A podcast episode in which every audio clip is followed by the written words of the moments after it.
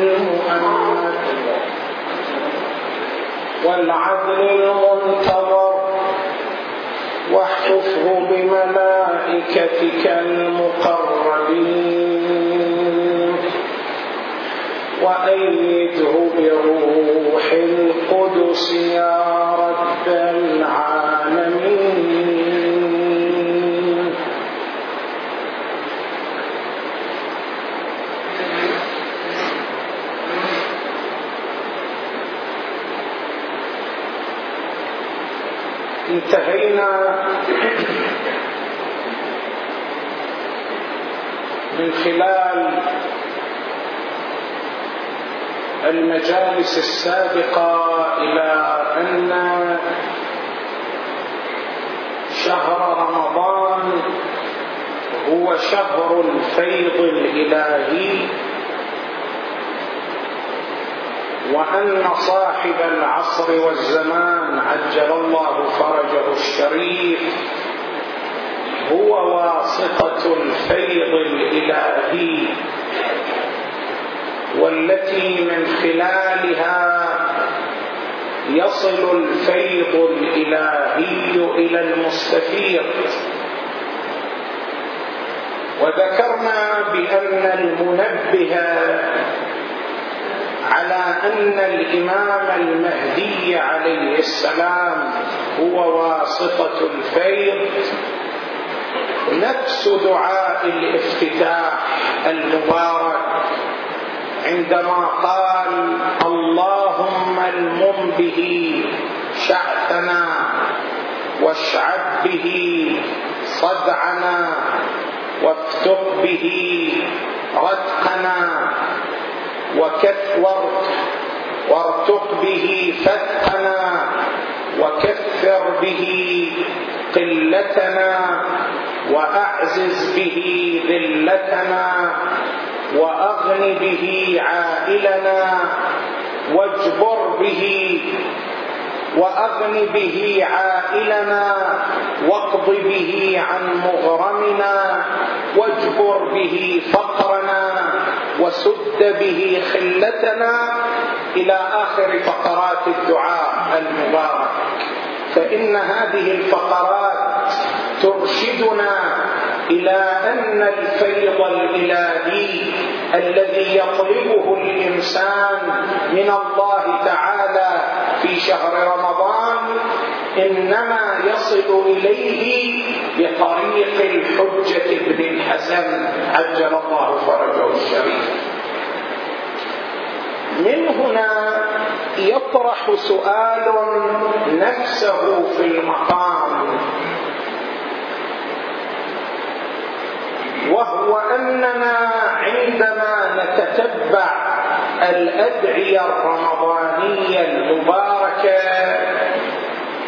نجد أن هذه الأدعية على قسمين.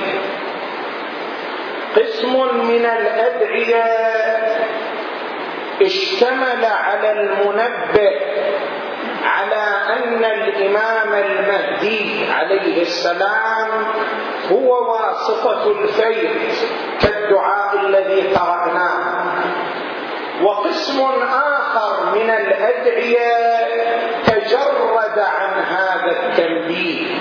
اللهم إني أسألك فيما تقضي وتقدر من الأمر المحتوم في الأمر الحكيم من ليلة القدر أن تكتبني من حجاج بيتك الحرام. هنا لا يوجد في هذا الدعاء أن تكتبني به من حجاج بيتك الحرام. لم يشتمل هذا الدعاء على هذا التنبيه وهو أن الإمام عليه السلام هو واسطة الفيض فلماذا بعض الأدعية اشتملت على المنبه وبعض الأدعية تجردت عن هذا التنبيه؟ شلون يجاب عن هذا السؤال؟ هذا السؤال يجاب عنه بجوابين. الجواب الأول أن النصوص الدينية المباركة تقرأ كوحدة تركيبية مجموعية متكاملة ولا تقرأ كمفردات كمفردات تجزئيه شنو معنى هذا الكلام؟ معنى هذا الكلام أن النصوص المباركة الواردة عن الشارع. عندما يريد الإنسان أن يقرأها ويستنتج منها نتيجة معينة لا بد أن يتعامل مع النصوص كوحدة تركيبية متكاملة ولا يصح له أن يتعامل معها كمفردات تجزئيه يقرأ كل نص منها على نحو الاستقلال لماذا؟ لسببين. السبب الأول أن الوصول إلى المعرفة الدينية لا يمكن أن يتحقق إلا بقراءة النصوص كوحدة تركيبية مترابطة. وأما من يقرأ النصوص كمفردات تجزئيه لا يمكن أن يصل إلى حق المعرفة الدينية. شلون؟ خل أضرب لك مثال؟ شوفوا اولا نحن المتكلم عندما يتكلم بكلام هذا المتكلم على قسمين. هناك قسم من المتكلمين بمجرد أن ينتهي من كلامه انت تاخذ بكلامه وتستنتج من كلامه. لكن أكو متكلم آخر لا يمكن أن تستنتج من كلامه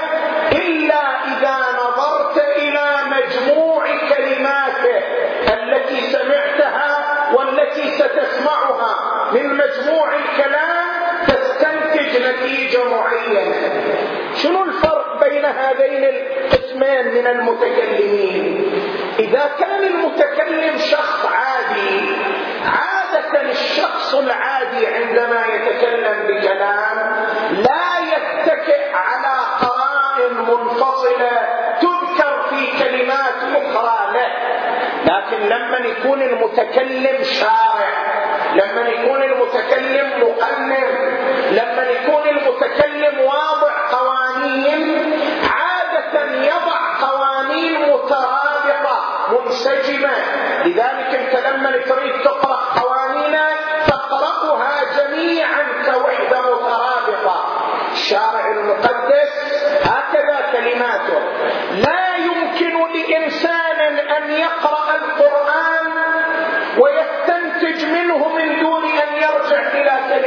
النبي صلى الله عليه وآله.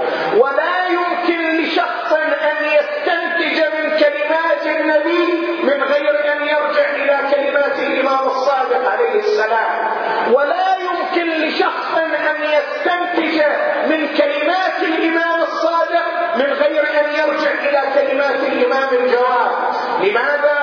لأن كلمات هؤلاء الأطهار عليهم السلام بمجموعها تشكل وحدة تركيبية مجموعية متكاملة.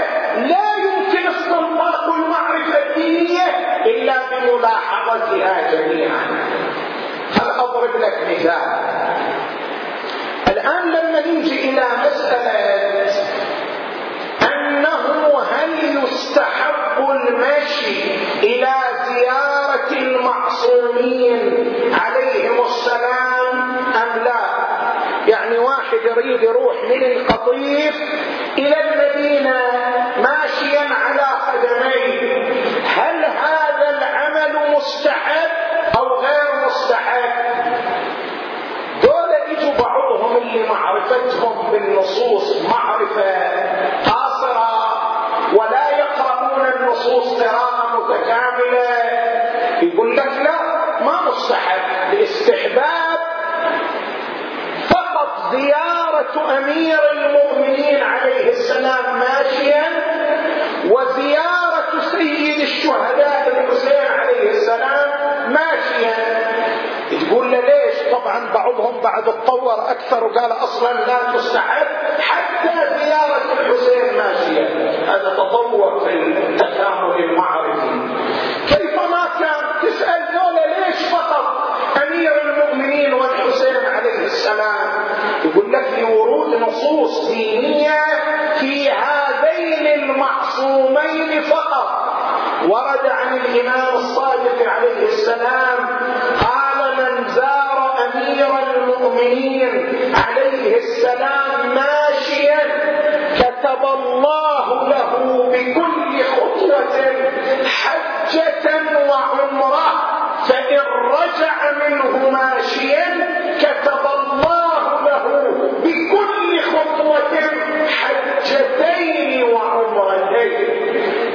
خطوة واحدة في زيارة علي تعادل عمرة خطوة واحدة في زيارة أمير المؤمنين تعادل حجة.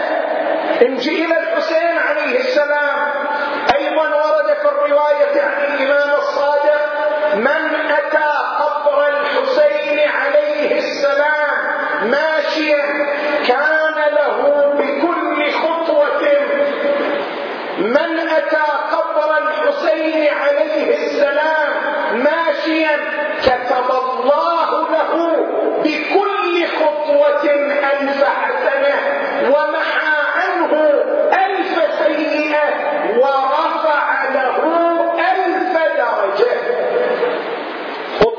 واحدة في طريق زيارة الحسين مشيا على الأقدام.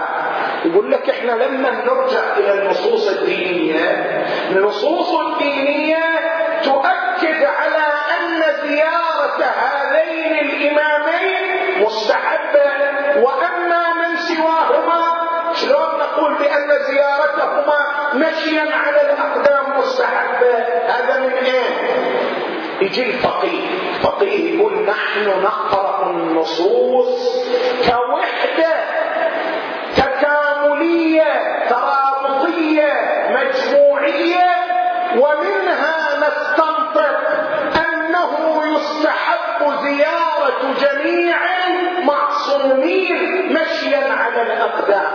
شلون؟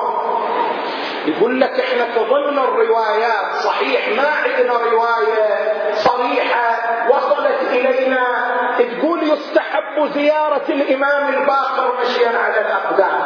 ما عندنا زياره رواية وصلت إلينا صريحة تقول تستحب زيارة الإمام الجواد على الأقدام. لكن لو نظرنا إلى النصوص بشكل مترابط نستطيع أن نستخرج هذه الحقيقة المعرفيه شلون؟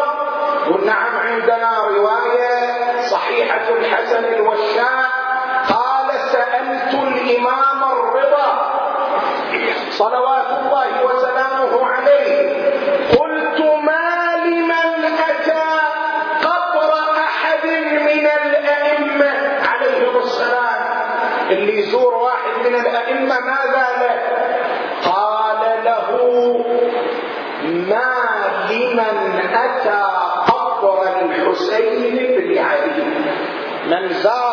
زار احد الائمه له ما لمن أتى.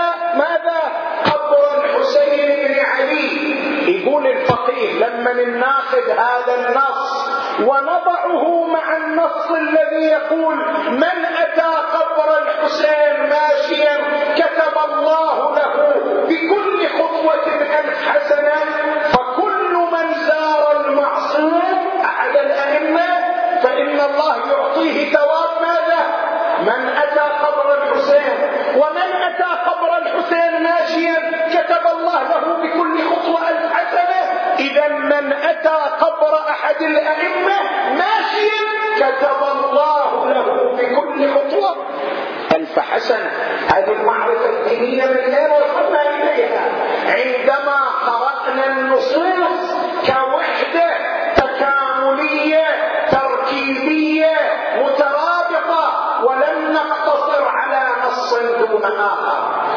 إذا السبب الأول الذي يدعونا إلى قراءة النصوص كوحدة تركيبية متكاملة هو أن فهم المعرفة الدينية لا يمكن الوصول إليه إلا بضم النصوص إلى بعضها البعض. هذا السبب الأول. السبب الثاني إن الفهم التجزيئي للنصوص الدينية. يوصل الإنسان إلى متاهات فكرية قد تصل إلى حد الضلال والانحراف. فهم التجزيئي لما يقرأ كل نص مستقل عن النص الآخر ولا علاقة له بالنص الآخر هذا قد يوصله إلى حد الضلال. مثلا لما يجي واحد إلى آيات القرآن يجي يضع يده على قوله تبارك وتعالى إن الله يغفر الذنوب جميعا. يقرأ هذا النص بشكل تجزئي يقول معنى هذا النص أن الله تعالى يغفر حتى للكفار حتى على لمن ماتوا على الكفر.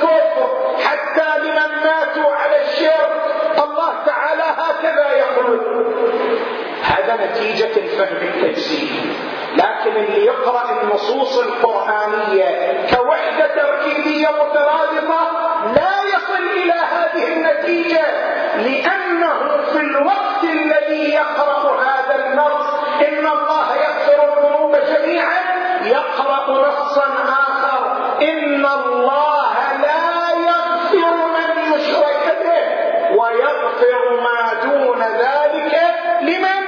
يشاء إذا هنا اختلف الاستنتاج لماذا اختلف؟ قراءة تجزئية توصل إلى شيء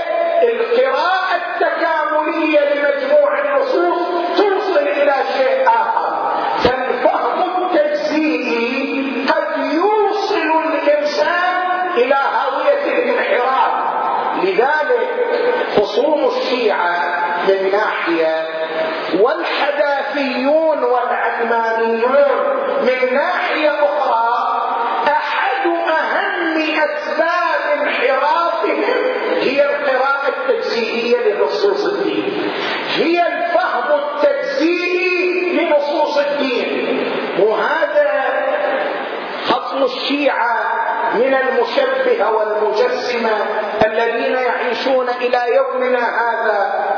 شو اللي يخليه يعيش فكرة التجسيم ويعيش فكرة التشبيه؟ وهذا يقرأ النصوص الدينية قراءة تجزئية بل يداه مبسوطتان. يتصور أن الله له يدان يداه أيضا مبسوطتان. زين هذا الرب. أم باسط إيده ومدفلها يجي إلى نص آخر الرحمن على العرش استوى. ويقرأ أيضا قراءة استقلالية عن النصوص الأخرى. فيكون في ذهنه صورة خيالية لرب له يدان له رجلان يجلس على كرسي على عرش وملائكة الله يتوقف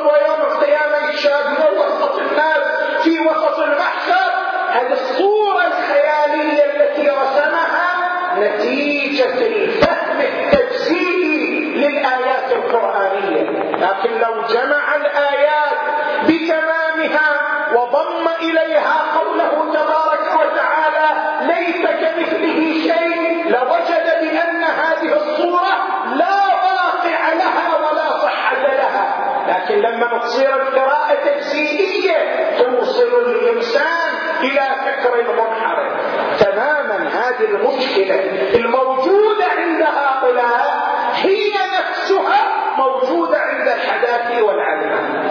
الحداثي والعلمان في كثير من شبهاته ينطلق من الفهم التجزئي مثلا الآن من الشبهات التي يطرحها الحداثيون والعلمانيون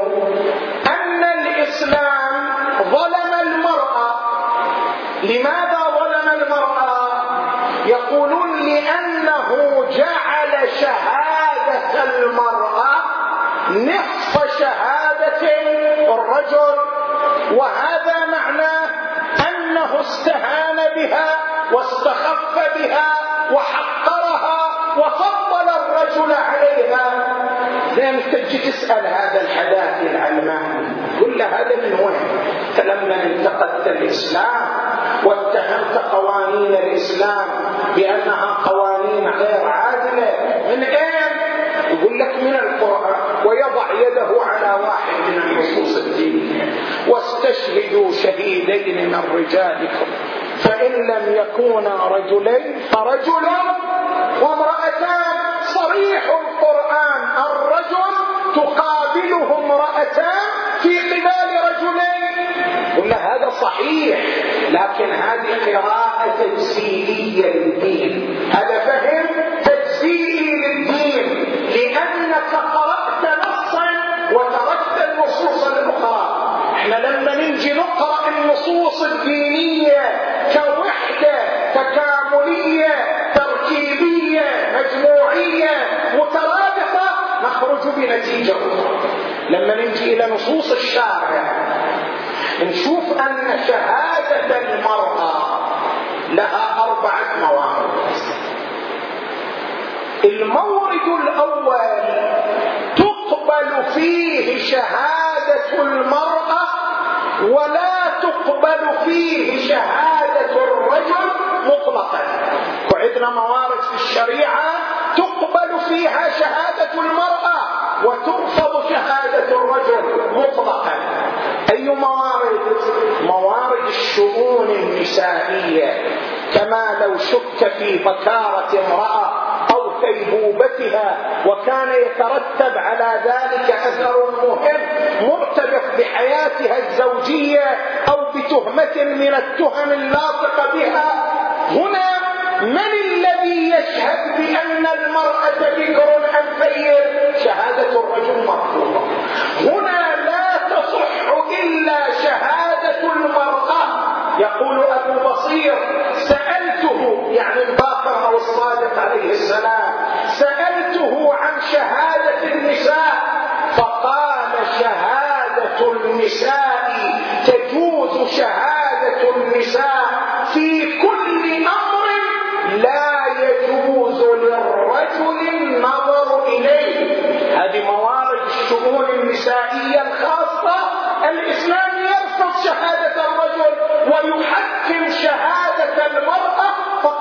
هذا مورد المورد الثاني تقبل فيه شهادة المرأة منفردة ولا تقبل شهادة الرجل منفردة. أكو موارد في الشريعة تقبل فيها شهادة المرأة وهي منفردة ولا تقبل فيها شهادة الرجل منفردة. مثل ماذا؟ مثل مورد الوصية التمليكية. شنو معنى الوصية التمليكية؟ الآن الإنسان لما يريد يوصي بوصية الوصية على قسمين. هناك وصية تمليكية يعبر عنها الفقهاء وهناك وصية عهدية. الفرق بين الوصية التمليكية والوصية العهدية ماذا؟ الوصية التمليكية أن يوصي بأن ماله مملك لفلان.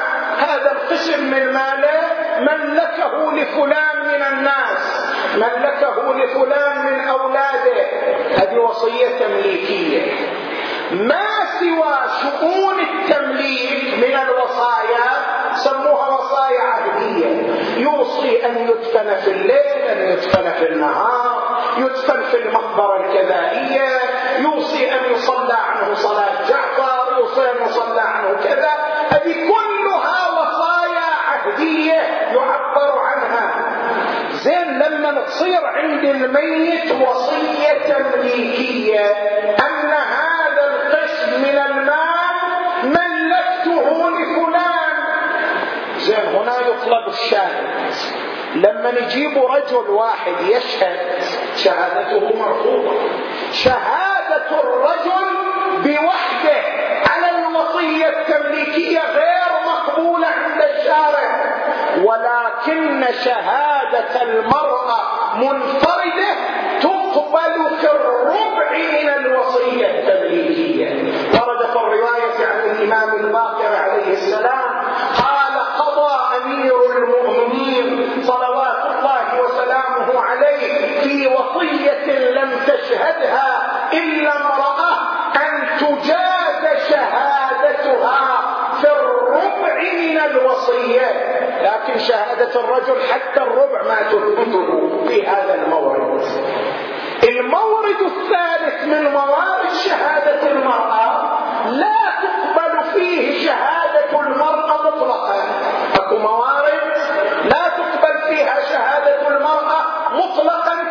الهلال.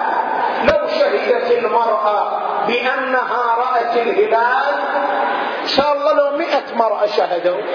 ما دام ماكو رجال شهدوا برؤية الهلال لا تعول على لا يعول على شهادة المرأة. ورد في الرواية عن محمد بن مسلم عن أحدهما عليهما السلام قال لا تجوز شهادة النساء في الهلال والطلاق في الرواية موجود شهادة المرأة في الهلال لا يعول عليها المورد الرابع لموارد شهادة المرأة التي تكون فيها شهادة المرأة نصف شهادة الرجل.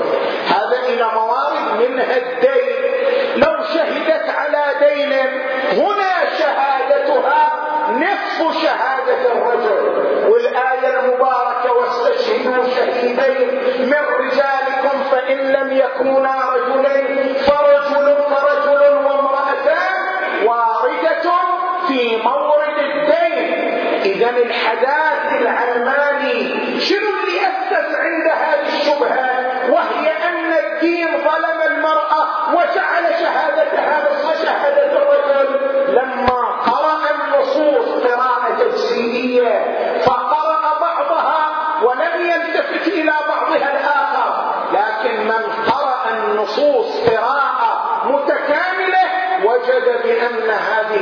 هذه النسبة غير صحيحة. وزادت إذا نحن نقول بأن قراءة النصوص الدينية تقرأ كوحدة تركيبية مترابطة لا كمفردات تجزئية للسببين اللذين ذكرناهما. زين شنو النتيجة التي نصل إليها؟ النتيجة التي نصل إليها من هذا البناء أن الشارع المقدس إذا نبه على حقيقة معرفية معينة لا يحتاج أن ينبه عليها في كل نصوصه بل له أن يكتفي ببيانها في نص آخر ثم تأتي وظيفتنا نحن عندما النصوص نعمم ما جاء في كلامه إلى بقية نصوصه الأخرى. أنا أوضح لك الفكرة بمثال ورد في الرواية عن الإمام الصادق عليه السلام كل داء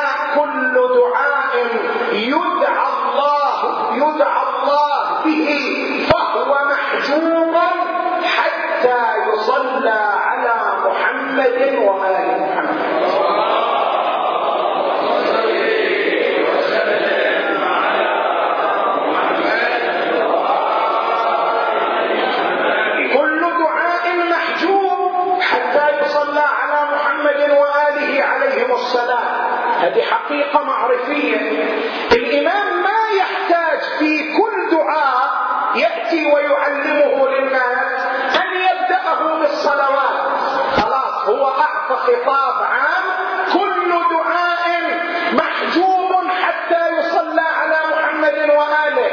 إحنا لما نجي نقرأ نصوص الشارع كوحدة متكاملة مترابطة نفهم بأن الصلاة على محمد وآله مطلوبة في كل دعاء ولا نحتاج أن يبينها الإمام لنا في كل دعاء دعاء.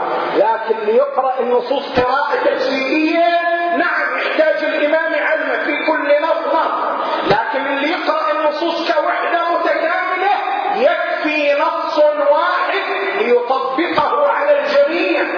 لما ننجي إلى النصوص التي تحدث عن إلى الأدعية الرمضانية الأدعية الرمضانية كما ذكرنا قسمان. قسم صرح بأن الإمام عليه السلام واسطة الفيض وأن الحوائج تطلب من طريقه. حوائج الدنيا والآخرة. بعد هذا ما يحتاج الإمام يبينه في كل دعاء دعاء. لأننا نقرأ النصوص كوحدة مترابطة كوحدة متكاملة كمنظومة فكرية واحدة. لا يصح لنا أن نضع يدنا على نص ونغفل النصوص الأخرى. فما دام الإمام قد بين في بعض الأدعية بأن الحوائج والفيض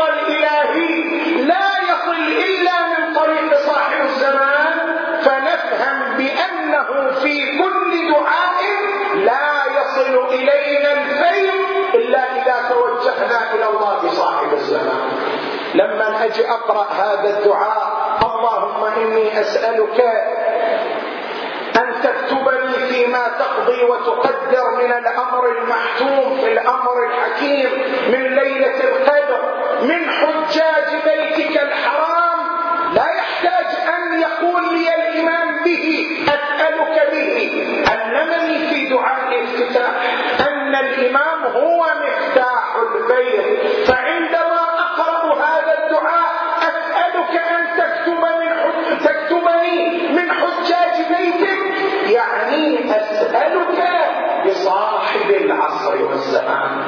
لأنه هو مفتاح البيت وهذا يتوسل به وإن لم يذكره الإمام لأننا استفدناه من النصوص الأخرى.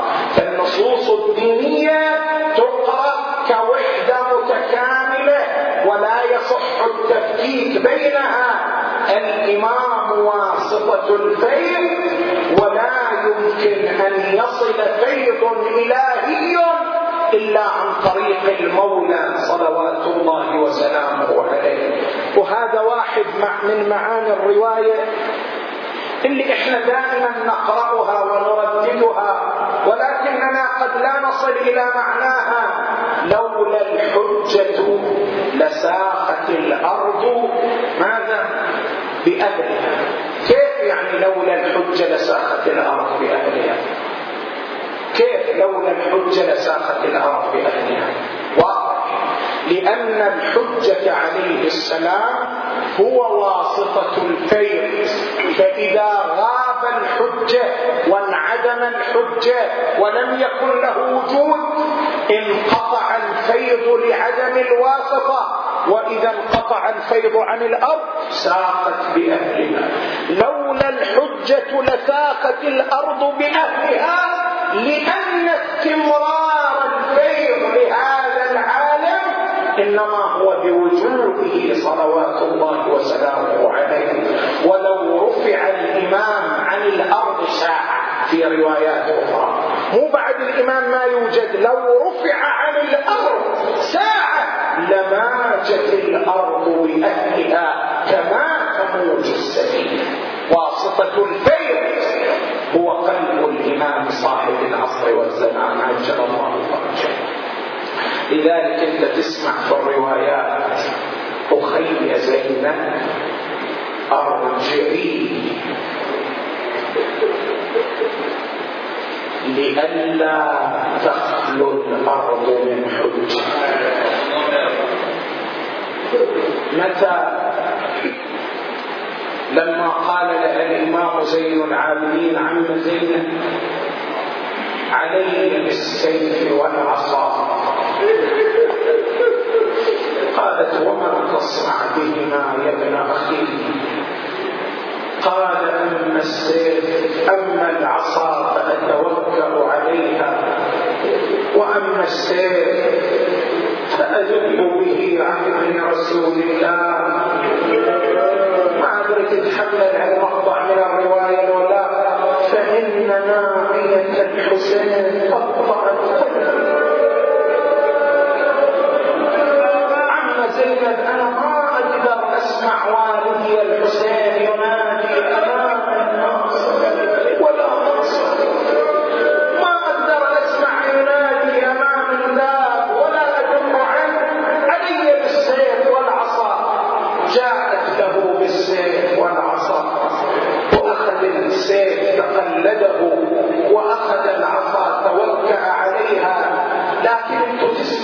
ان الإمام كان مريضا في كربلاء.